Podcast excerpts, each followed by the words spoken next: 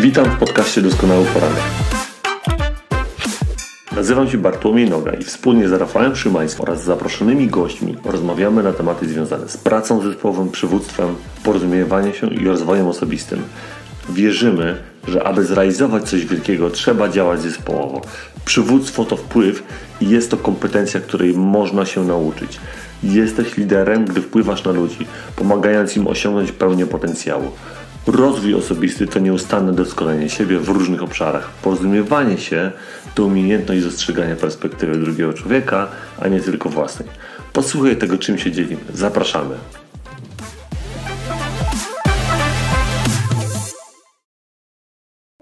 Nie każda zmiana prowadzi do postępu, ale bez zmiany postęp się na pewno nie odbywa. Tymi cytatem Johna Maxwella rozpoczynamy kolejny doskonały poranek. Dziś liderskie sposoby zmiany. Lidera, kiedy i jak to zrobić. Zainspirowani książką Johna Maxwella, skuteczni liderzy zadają trafne pytania. Mamy dzisiaj, moi drodzy, dzisiaj jesteśmy w dwójkę. Mamy dzisiaj dwa pytania, które, na które sobie postaramy się odpowiedzieć i, i, i na pewno każdy z nas przedstawi swoją perspektywę na to, swoje doświadczenia z, tym związane. Więc rozpoczynamy te dwa pytania. Pytanie numer jeden to będzie, kiedy jest najlepszy moment na zmianę lidera? Drugie, dlaczego przemiana z wykonawcy w lidera jest tak ważna? Na te pytania sobie odpowiemy. Oddaję teraz e, e, mikrofon Rafałowi, aby się przywitał i zaraz rozpoczniemy. Proszę Rafał. Witajcie kochani. Bardzo ciekawy temat, taki, który budzi też czasem trochę kontrowersji, więc fajnie, że sobie o tym porozmawiamy. Okej, okay, moi drodzy, więc teraz tak, przechodząc już do meritum naszego dzisiejszego spotkania, czyli kiedy jest najlepszy moment na zmianę lidera. Jestem ciekawy, Rafał, jakie jest Twoje podejście E, w tym temacie, wiesz, jakie masz doświadczenia swoje życiowe w swojej firmie, czy, czy, czy zawodowo, jak, jak ty działałeś i jak to wyglądało? Mm. To jest bardzo ciekawy temat, tak? Kiedy jest, ta, e, kiedy jest najlepszy moment na zmianę lidera, tak?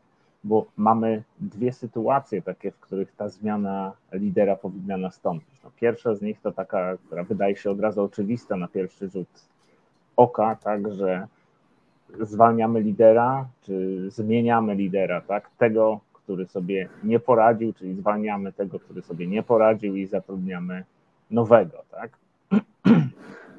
Druga taka sytuacja to wtedy, gdy lider rozwija się na tyle efektywnie, że pozostawanie na tym samym stanowisku ogranicza po prostu jego potencjał. Więc taką naturalną rzeczą jest to, że powinien przygotować takiego swojego następcę, a sam pójść po prostu wyżej tam, gdzie wykorzysta tą pełnię swojego potencjału. I tutaj właściwie są też dwie możliwości, bo może to być w ramach tej samej organizacji, albo jeżeli już y, jest na najwyższym stanowisku w danej organizacji, ale chce się dalej rozwijać, widzi, że ma jakiś tam potencjał większy niż, niż to, co do tej pory osiągnął i nie chce mm, być w takim status quo i zadowolić się tym, y, tym, co do tej pory osiągnął, no to pozostaje tylko zmienić taką organizację na inną, tak? I myślę, że taką ważną rzeczą jest to, żeby zrobić to w sposób taki przemyślany i świadomy, czyli ktoś, kto jest takim świadomym liderem, to nie robi tego po prostu w którymś momencie szuka sobie gdzieś y, jakiejś innej możliwości, następnie po prostu składa wypowiedzenie i odchodzi, tak? No bo to, to jest już y, no, taka sytuacja bardzo nieodpowiedzialna i, i można powiedzieć niegodna takiego prawdziwego lidera, tak? bo nie ma tutaj tej odpowiedzialności za organizację, którą stworzył, za to, co do tej pory osiągnął. Tak? I jeżeli jest to robione właśnie w taki sposób, myślę, świadomy i przemyślany, to takim najlepszym, co lider może zrobić, to jest przygotowanie siebie i organizacji właśnie do takiej zmiany, tak? żeby zrobić coś. I co trzeba zrobić? Na pewno przede wszystkim poszukać następców poszukać takich ludzi, którzy sprawdzą się w tej roli i przygotować ich do pracy na tym konkretnym stanowisku, do, przygotować ich do pełnienia tej roli.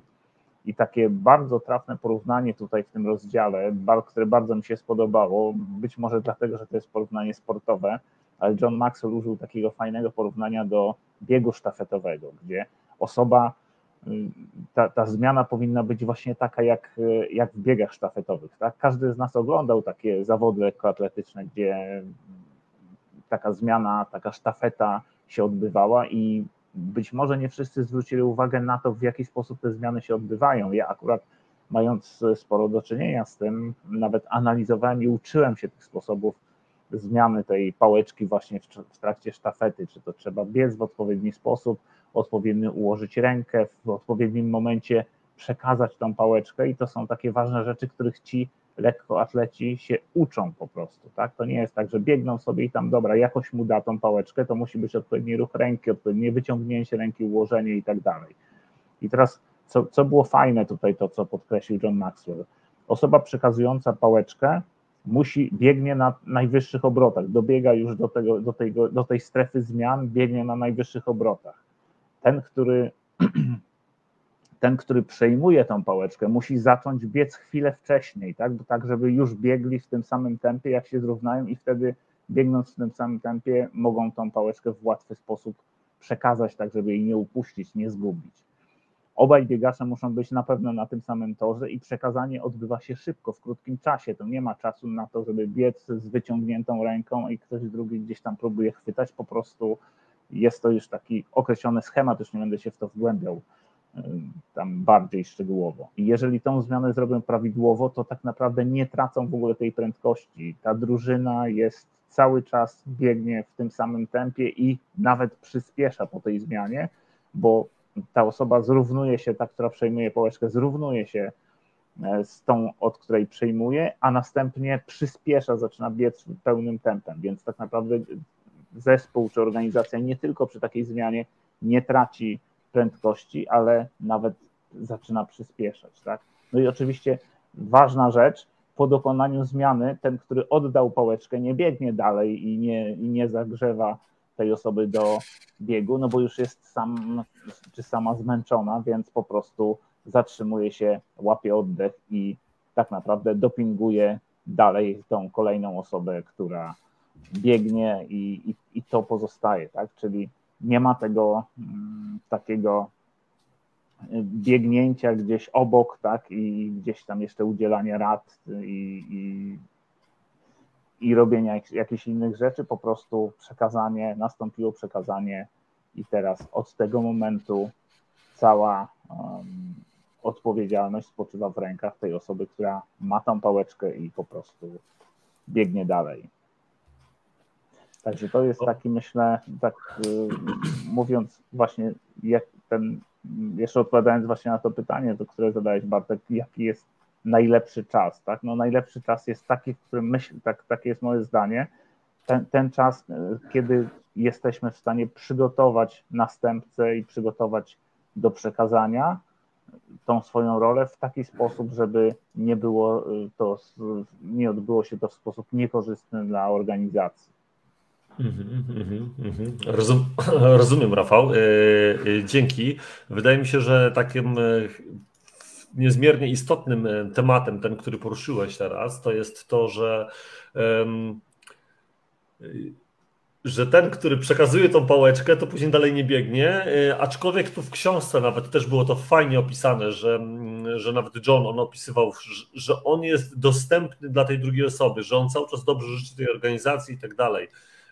Ja jakby z takiego mojego punktu mm, e, widzenia i z tego, z tej mojej perspektywy, z mojego doświadczenia dosłownie, tego co, co ja gdzieś tam przeżyłem, to, e, to dla mnie ta kiedy jest najlepszy moment na tą zmianę lidera, e, on odbywa się na takich, ja, ja tak zacząłem o tym myśleć i mówię, Zależy, zależy na, w jakim kontekście to rozpatrujemy. Czy rozpatrujemy to w kontekście siebie, czy zmiany innego lidera, którego trzeba zmienić, bo ty jako lider musisz zmienić jakichś liderów podległych ze względu na jakieś, na jakieś okoliczności. Tak? I jeśli chodziłoby o siebie najpierw, bo, bo chciałbym zahaczyć ten temat numer jeden, mm, ten najlepszy moment na zmianę to jest wtedy, kiedy y, ja już gdzieś czułem, że że jest mi niewygodnie gdzieś na jakimś stanowisku, nawet służąc wojsku i będąc tam, przecież ja nie służyłem jakby tylko będąc w jednej specjalności, tylko byłem w wielu różnych, dotknąłem wielu różnych specjalności, tak?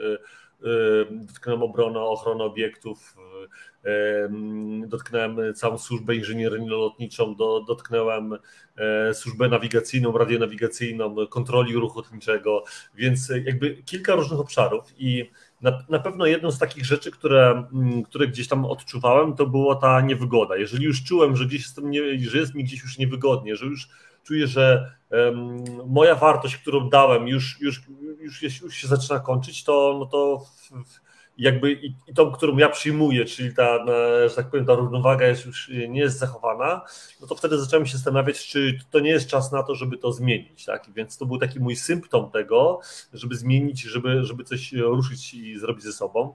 Hmm Druga, druga sytuacja to była taka, że jeżeli ja już chciałem coś zmienić, nawet jeżeli byłem dowódcą jakiegoś szczebla, to na pewno y, to też, też wszystko to jest kwestia jakby tego, jakie ty masz podejście w ogóle do tego, do służby, bo według mnie jednym z takich podstawowych rzeczy, i to jest obojętnie jaka organizacja to będzie, y, to jest ból tej organizacji jest taki, że mm, często ludzie nie chcą przekazywać wiedzy dalej, tak?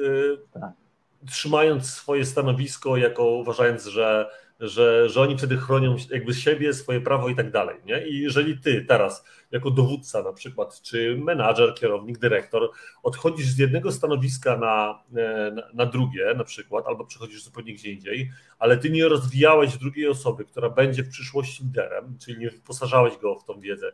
Tak naprawdę tu nie chodzi o to, żeby komuś coś mówić, tak? tylko żeby tą osobę y, jakby wystawiać na pewnego rodzaju, y, y, dawać mu pewnego rodzaju działanie, tak, żeby on w boju się uczył tego, jak, tym, jak tą pałeczkę po tobie przejąć, tak de facto, nie, no bo nie możesz komuś powiedzieć, nie biegnij, słuchaj za mnie na sztafetą, tylko nagle w pewnym momencie pobiegniesz i koniec. Robicie treningi wcześniej, robicie coś tego, żeby tą pałeczkę później dobrze, łatwo przechwycić po prostu, nie, więc, więc, więc dla mnie niezmiernie istotne było to, żeby mieć ten umysł tej osoby, która będzie dzieliła się tą wiedzą, dzieliła się tym doświadczeniem i będzie, będzie tej osobie, y, kolejnej osobie, która będzie, może widzieć ją jako sukcesora takiego, że, żeby on był wyposażany w, w działaniu, tak? I to była jakby taka pierwsza rzecz. Jeśli chodzi o, o tą zmianę siebie, jeśli chodzi o zmianę lidera na przykład w organizacji, tak? Czyli ty jesteś liderem i widzisz pod sobą e, różnego rodzaju liderów, których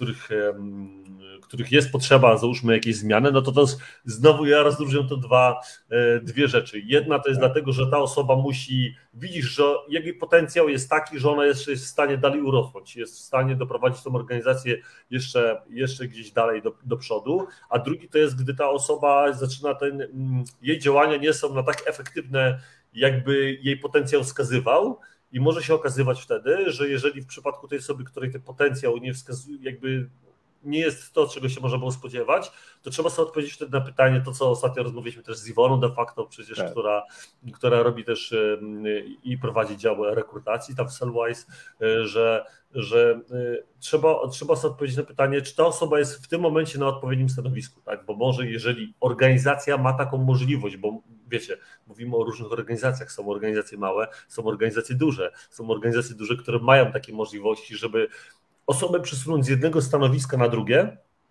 i w związku z tym ta osoba dopiero wtedy dopiero rozwinie swój potencjał, tak? I, i to jest tak, e, i to jest ta sytuacja. Jeśli chodzi o tych, których e, o tych, którzy, którzy mogą urosnąć i widzisz, że jest potencjał, no to, no to wtedy ty, to, to jest trochę tak jak przesunięciem siebie, tak? Czy, czy ta osoba jest warta tego, żeby na przykład przejęła pałeczkę pewną, albo przejęła, dać jej większą odpowiedzialność, żeby stała się tym większym liderem. I widzisz w niej potencjał, tak? I wtedy zaczynasz to, to rozwijać. I to według mnie jest e, niezmiernie istotne, ale tak naprawdę ten, bo tak jak wiecie, teraz każdy interim manager, który wchodzi do jakiejś firmy, to jakby jeżeli miałbyś takiego, rekrutować takiego interim managera, miałbyś z nim nawiązać współpracę w firmie, to jakby dla mnie osobiście pierwszym podstawowym pytaniem, jakie by było, czy ten człowiek zostawi tą organizację na samym końcu z wyposażeniem czegoś, żeby ta organizacja dalej funkcjonowała, czy nagle jak on,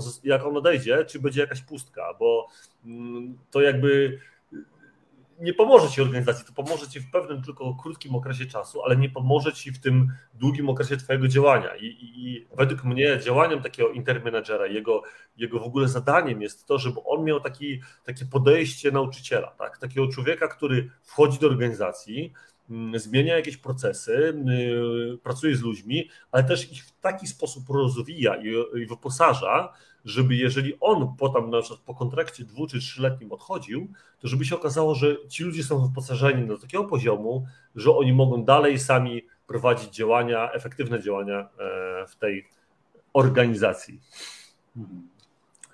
Tyle by było ode mnie, jeśli chodzi o, o, o to pytanie. numer jeden. I teraz, moi drodzy, e, pytanie numer dwa, czyli przechodzimy do, mm, do tego, e, Dlaczego przemiana z wykonawcy w lidera jest tak ważna, Rafał? I, jak ty uważasz? I, I, w ogóle jak ty rozumujesz w ogóle to pytanie, tak? Czyli, mhm. tego, czyli ta przemiana z wykonawcy w lidera, nie? O, o, czym, o, czym, o czym tu myślimy, mając e, na uwadze nasz post i, i zapowiedź tego pytania? Tak.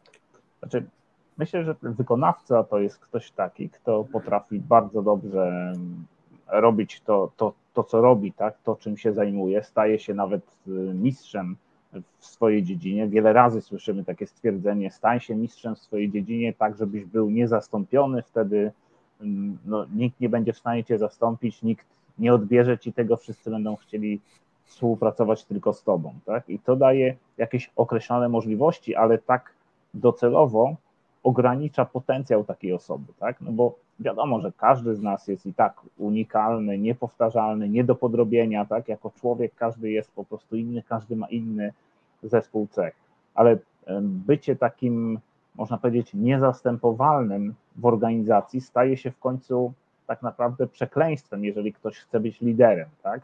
I staje się przekleństwem i bardzo często hamuje rozwój firmy. I to może być rzeczywiście zaskakujące, że takim najczęstszym powodem spowalniania rozwoju organizacji jest niezastępowalność osób decyzyjnych.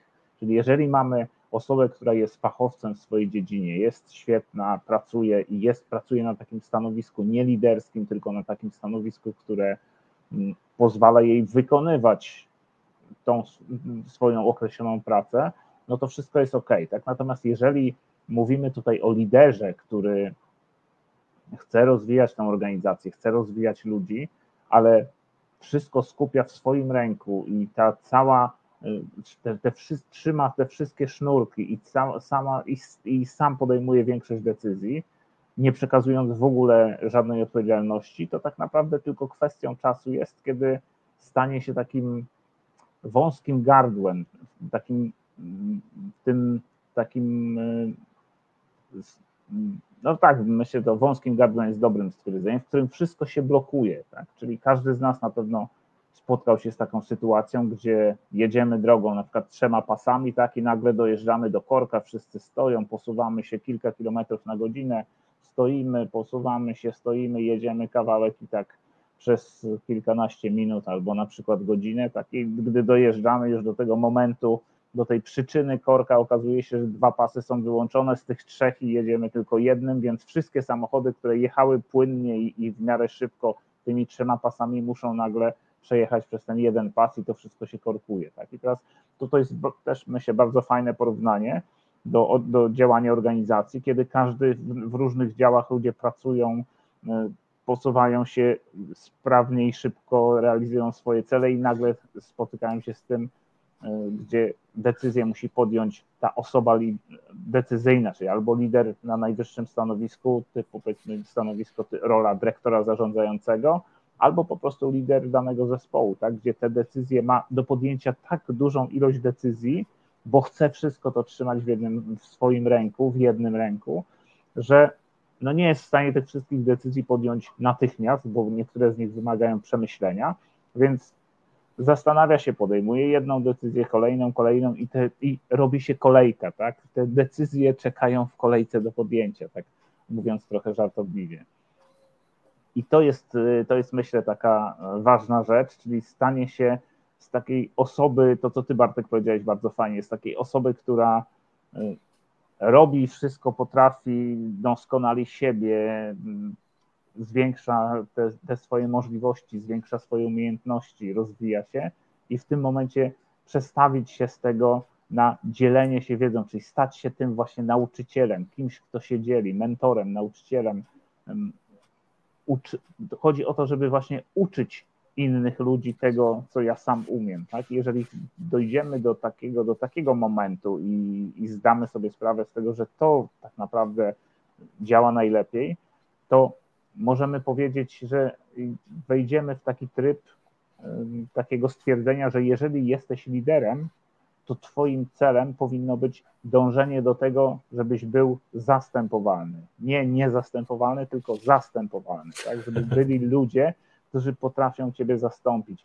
To uczenie się ludzi. I zobacz, Bartek, nie wiem, czy pamiętasz z stołów transformacyjnych, mhm. gdzie było, była ta wartość pomnażanie, tak? Czyli najpierw mhm. stajesz się mistrzem w tym, co robisz, potem pokazujesz komuś, w jaki sposób to trzeba zrobić, potem ty patrzysz, jak ten ktoś inny to robi, a potem ten ktoś sam to robi i uczy kolejnych ludzi, tak? I jest, staje, staje się takim multiplikatorem e, liderów, tak? Myślę, że to jest takie najlepsze dążenie. Czyli to tak odpowiadając tak już wprost i najkrócej, tak trochę podsumowując na to pytanie, e, właśnie w jaki sposób stać się wykonawcą, z wykonawcy liderem, to myślę, że trzeba sobie po prostu ustawić najprostsza rzecz, jaką można zrobić, to po prostu ustawić to, co umiem, y, tym, czym, tym co umiem, będę dzielił się z innymi. Tak? To, to mhm. myślę, że to tak można byłoby podsumować jednym zdaniem.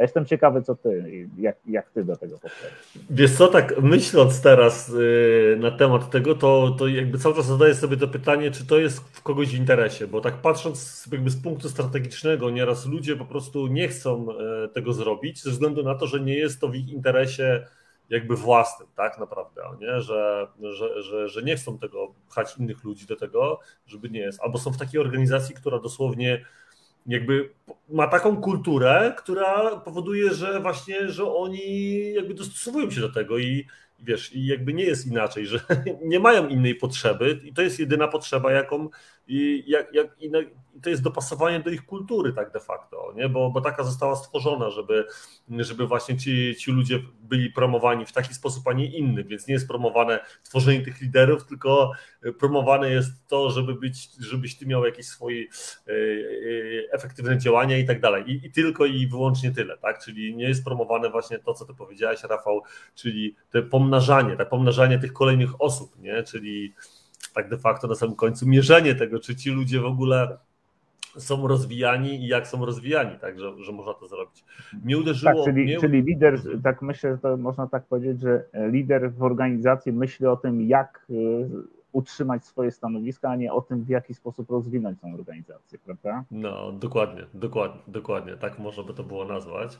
E, na pewno w, tam w książce nawet fajnie było to porównanie takie, tak, z tego, z tego, z tego gościa, który produkuje coś w tego lidera, jaka, jaka ta zmiana musi mhm. nastąpić i to jest właśnie to, że, że nie realizuje swoich własnych e, celów tylko, tylko jestem, e, jestem, jestem odpowiedzialny z kimś za coś, tak? Że, że, że moja nie dodaje czegoś, tylko multiplikuje coś, tak? Czyli właśnie tak. to powiększam coś, nie? Z, z tego ja na my, nie? Że, że jakby to jest ta, te podejście i, i myślę, że to jest e, niezmiernie, niezmiernie ważne. E, dla mnie osobiście, tak patrząc na, na jakieś tam moje życie e, zawodowe i na to, e, w jaki sposób ja gdzieś doświadczałem takich rzeczy, to mm, myślę, że e, jakby dla mnie cieszyło moje serce, cieszyło moje serce, żeby to dobrze zabrzmiało, cieszyło moje serce, jak ja wyposażyłem jakąś osobę w, w w to, żeby ona później mogła dobrze wykonywać te mm, obowiązki swoje, bo dzięki temu tworzyła się też pewna synergia w zespole. Nie? Ja po prostu nie miałem czegoś takiego, że ja chciałbym być najlepszym, najlep, najlepiej wykonującym pewne zadania w zespole, tylko widziałem zespół jako, jako grupę ludzi, których chciałbym, żeby wszyscy mieli, jakby wszyscy byli wyposażeni, nawet jeżeli to jest po prostu multiplikowanie, jakby to jest uczenie tych samych działań, które ja wykonywałem, jeżeli była osoba, która po pierwsze chciała przyjąć tą wiedzę, bo wiecie, są teraz ludzie, którzy tą wiedzę nie chcą przyjmować i każdy chce zrobić to na swój sposób, nie chcą się nauczyć tego, w jaki sposób były pewne rzeczy robione. Mm, yy, bo oczywiście zawsze można wiele rzeczy później zmieniać i poprawiać wszyscy razem w zespole, ale żeby ten początek e, rozwinąć, tak, to, mm, to trzeba robić podobnie jak, jak reszta tych osób, żeby, żeby, żeby poprawić jakieś, jakieś działanie. Więc dla mnie było na przykład niezmiernie istotne, żeby te osoby były rozwinięte, bo jeżeli ja je rozwinę, to nagle się tworzy synergię w zespole. Nie? Byłem w zespole, w którym każdy był taką osobną jednostką, każdy był takim swoim własnym liderem, że tak powiem, chciał, chciał, chciał tam przewodniczyć. No i tu się okazało, że nie było tej synergii, tak. Yy, była ciągła, tam była ciągła walka, walka, nie? A zamiast tej walki lepiej, żeby była bo co innego, jak rozmawialiśmy ostatnio z Adamem, tak? Coś, co jest konfliktem, ale jest takim dobrym konfliktem, który prowadzi do czegoś dobrego, do rozwiązywania jakich, jakich, jakichś problemów, tak? Bo ten ma taką perspektywę, ten ma inną perspektywę i wymyślamy jakąś nową strategię działania, a co innego, jak to jest walka tylko o takie, wiecie, dominacja ego jednego, drugiego, trzeciego, czwartego, co de facto powoduje w zespole, że mm, patrząc na przykład na, na, na pododdział, czyli kompanię, która ma na załóżmy tam 5 czy tam 4 plutony, w których są tam, nie wiem, po 15 osób, to nagle każdy z nich działał na innym poziomie. Nie, nie, nie wszyscy synchronizowali się, że ten dowódca jest taki, ten jest taki, ten jest taki, ten jest taki. Nie? I jakby jeżeli ty zacząłeś wyposażać tych wszystkich ludzi, mm, jakby pewien rodzaj. I oni to poczuli, że ty chcesz, żebyśmy współpracowali razem, to, ta, ta, ten pododział chodził, y, ci ludzie działali wszyscy jak zegarek. Po prostu on chodził jak zegarek szwajcarski. Nie? Tam była pewna jedność, y, dyscyplina, y, to wszystko było łatwiejsze do utrzymania. Ale jeżeli się okazało, że każdy z nich, każdy z tych dowódców tutaj jest taki super indywidualista i każdy chce słuchać siebie, ale nie chce współpracować ze sobą, to nagle się okazywało i jakby nie chciał przekazywać tej wiedzy kolejnym osobom i on chciał świecić jako gwiazda, to się okazywało, że tylko były walki tych ego, tych, tych wszystkich osób, tak. które z sobą. Oczywiście pododdział działał. To nie jest tak, że nagle twoja firma nagle przestanie działać. Tak? Nie, ona działała, tylko po prostu tu teraz mówimy o bardziej efektywnym działaniu, o tym, że tworzy się synergia, która coś powoduje, tak? Czyli to, że ja przechodzę z, z tego człowieka, który jest wykonawcą, tego lidera, który nie tylko dobrze pewne rzeczy robi, ale do tego, żeby zaczyna multiplikować tych ludzi i przekazywać tą swoją wiedzę, to nagle się otworzy, że on działa dla dobra całej organizacji. On ma, on ma to my, ma bardzo wysoką górę, tak? I że, I że jakby dla niego to jest ważne, tak? I, I, tak to jest. Ale to jeszcze raz mówię, wszystko zależy od kultury organizacji, od tego. Yy, są różne organizacje i każda ma jakby pewne inne cele i, i inne zadania. Nie? Także tak to wygląda z mojej strony, Rafał. Mhm. Ja jeszcze, tak jak mówiłeś, to przyszło mi do głowy takie skojarzenie z tą przemianą przywództwa, o której pisał John Maxwell w książce Leadership, o tej przemianie z solisty w dyrygenta, bo to jest, myślę, bardzo dobry przykład tego, jak z wykonawcy stać się liderem, tak? Czyli ten solista, który jest powiedzmy mm, świetnie gra na skrzypcach, jest wirtuozem skrzypiec, gra fantastycznie, ale w momencie, kiedy chce zostać dyrygentem tej orkiestry, to musi przestać robić to, co robi. Zobaczcie, mhm. musi przygotować swojego następcę, musi zapewnić sobie odpowiednią ilość tych osób grających na skrzypcach w tej orkiestrze, żeby sam mógł przejąć inną rolę, tak? czyli stać się liderem, osobą, która trzyma tylko pałeczkę, tylko, oczywiście mówię o tym w cudzysłowie, że tylko pałeczkę, nie trzyma instrumentu, nie wymaga to od niej tych umiejętności związanych z grą na instrumencie, ale wymaga umiejętności uruchomienia wszystkich osób w tej orkiestrze, całej orkiestry, żeby ten zespół funkcjonował, ta cała orkiestra grała w odpowiedni sposób. W odpowiednim momencie włączały się skrzypce, w odpowiednim momencie włączały się kolejne inne instrumenty, tak? Więc y, to jest myślę takie, mm, taka, taka bardzo dobra rzecz zachęcam tych, którzy nie czytali jeszcze książki Leadership do, do przeczytania jej. Świetna książka, gdzie John Maxwell opisuje 11 przemian przywódczych i właśnie jedną z nich jest ta przemiana od solisty do dyrygenta, czyli właśnie od tego wykonawcy do z, zmiana z wykonawcy na lidera. To jest też fajna mhm. rzecz. W ogóle jest, to, to jest ciekawa rzecz, że ludzie się tak bardzo opierają zmianą, że to wprowadzanie zmian jest zawsze takie trudne to też y, fajny cytat y, byłego prezydenta USA, Woodrowa Wilsona, jeżeli chcesz narobić sobie wrogów, to po prostu coś zmieni. Wtedy wszyscy będą niechętni, będą się opierali tym zmianom. Nie? I to jest, y, to jest właśnie takie zadziwiające, że te zmiany, wprowadzanie zmian jest, to wiąże się właśnie z takim dużym oporem, tak? że to jest takie. Mm, ludzie nie chcą tego, nie lubią i, i zauważcie, że bardzo często jest tak, że te zmiany są dokonywane dopiero wtedy, kiedy są jakieś takie dwa momenty. Tak?